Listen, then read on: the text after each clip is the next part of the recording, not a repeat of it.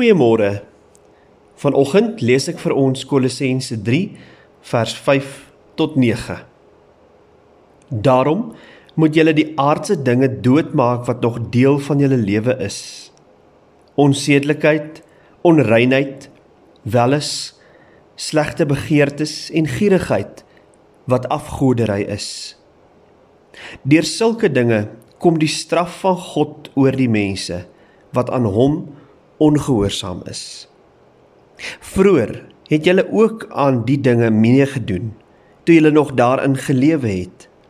Maar nou moet julle al hierdie dinge laat staan. Woede, haat, nait, gevloek. Vuil taal moet daar nie uit julle monde uitkom nie en moenie vir mekaar lieg nie. Julle het met die ou sondige mens en sy gewoontes gebreek. Kolossense 3 vers 5 in die boodskap vertaling gebruik die frase raak ontslaa daarvan. En dit vra dat ons van 'n klomp goed in ons lewe moet afskeid neem. Dit moet agterlaat. Dit moet afskud. Die dinge wat dreig om ons nuwe identiteit in Christus te skenk. In hierdie volgende paar verse van Kolossense 3, soos ons gesien het, word ons aangesê om op te hou om 'n klomp sondige dinge te doen. Dit sluit nou natuurlik 'n verskeidenheid seksuele sondes in waarvan vers 5 praat, maar ook dinge soos woede, haat, kwaadpraat, vuil taal en leuns wat ons in vers 8 en 9 raak lees. Maar om slegs op te hou om hierdie verkeerde dinge te doen net omdat ons bang is vir God se straf, is egter nie hoe hy dit sien nie. Jy sien, ons moet te alle tye paraat wees om teen die sonde te veg, ja. Want ons is net mense. Maar dit is nie die doel van ons Christelike lewe nie. Die doel, die primêre doel is om Jesus te ken en uiteindelik hom met ons hele menswees te verheerlik. Maar om dit te doen, moet ons die sonde wat ons in sy greep wil vang nog steeds van sy mag ontneem. Hoekom? Dood eenvoudig omdat hierdie ou sondige dade nie by ons nuwe lewe in Christus pas nie. Dis 'n gedagte wat ons keer op keer by Paulus in sy briewe raak lees. Jy sien 'n prokureur maak tog nie karre reg nie. 'n Vyeboom dra mos nie perskes nie. Die beskrywing van al hierdie sondes in hierdie verse en ons nuwe lewe, ons nuwe identiteit in Christus pas net dood eenvoudig nie by mekaar nie. As gevolg daarvan moet ons keuses maak wat teen ons vleeslike begeertes indrys. Ons moet filters op ons gedagtes sit.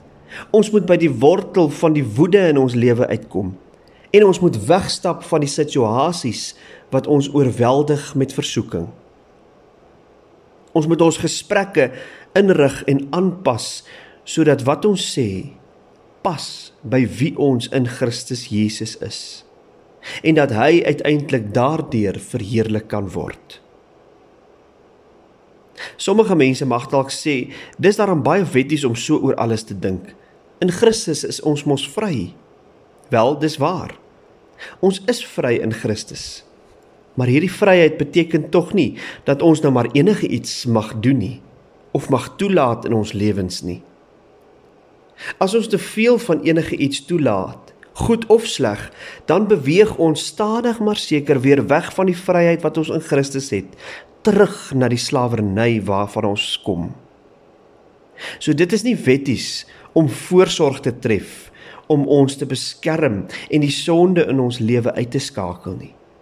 Dis net goeie oordeel en gesonde wysheid. Gaan lees gerus maar weer die woorde van Paulus in Efesiërs 6 vers 10 tot 20 as hy praat oor die wapenrusting van God.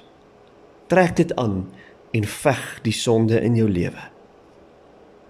Die feit van die saak is dit: as ons hom volle beheer oor ons lewens gee, dan is dit tot ons voordeel. Hy verwag nie dat ons sonder rede van ou gewoontes ontslaa moet raak en karaktereienskappe van die ou mens moet afsterf nie. Want jy sien dit moet plek maak vir die nuwe identiteit wat hy ons kom gee. Dit moet plek maak sodat die nuwe mens kan groei. Jesus begeer 'n nuwe, vol en ryk lewe vir ons elkeen.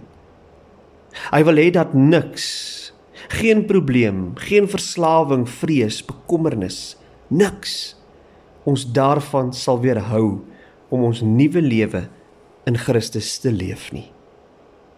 Ek sluit af met die volgende oordeenking. As jy nou dink oor jou nuwe lewe in Christus, wat keer jou op hierdie stadium om dit nog voluit te lewe? Met watter sonde worstel jy nog? Waarvan raak jy nie ontslaan nie? Wat hou jou in hierdie bose kringloop? Vra God vandag om jou te help daarmee, om daarmee te breek en plek te maak sodat die nuwe mens, jou nuwe identiteit kan begin groei. Kom ons bid saam. Ons trou God en Hemelse Vader, dankie vir nog 'n nuwe dag. En dankie vir die woorde van Paulus Dankie vir u dienaars wat hierdie briewe geskryf het sodat ons hierdie woorde daaruit kan haal.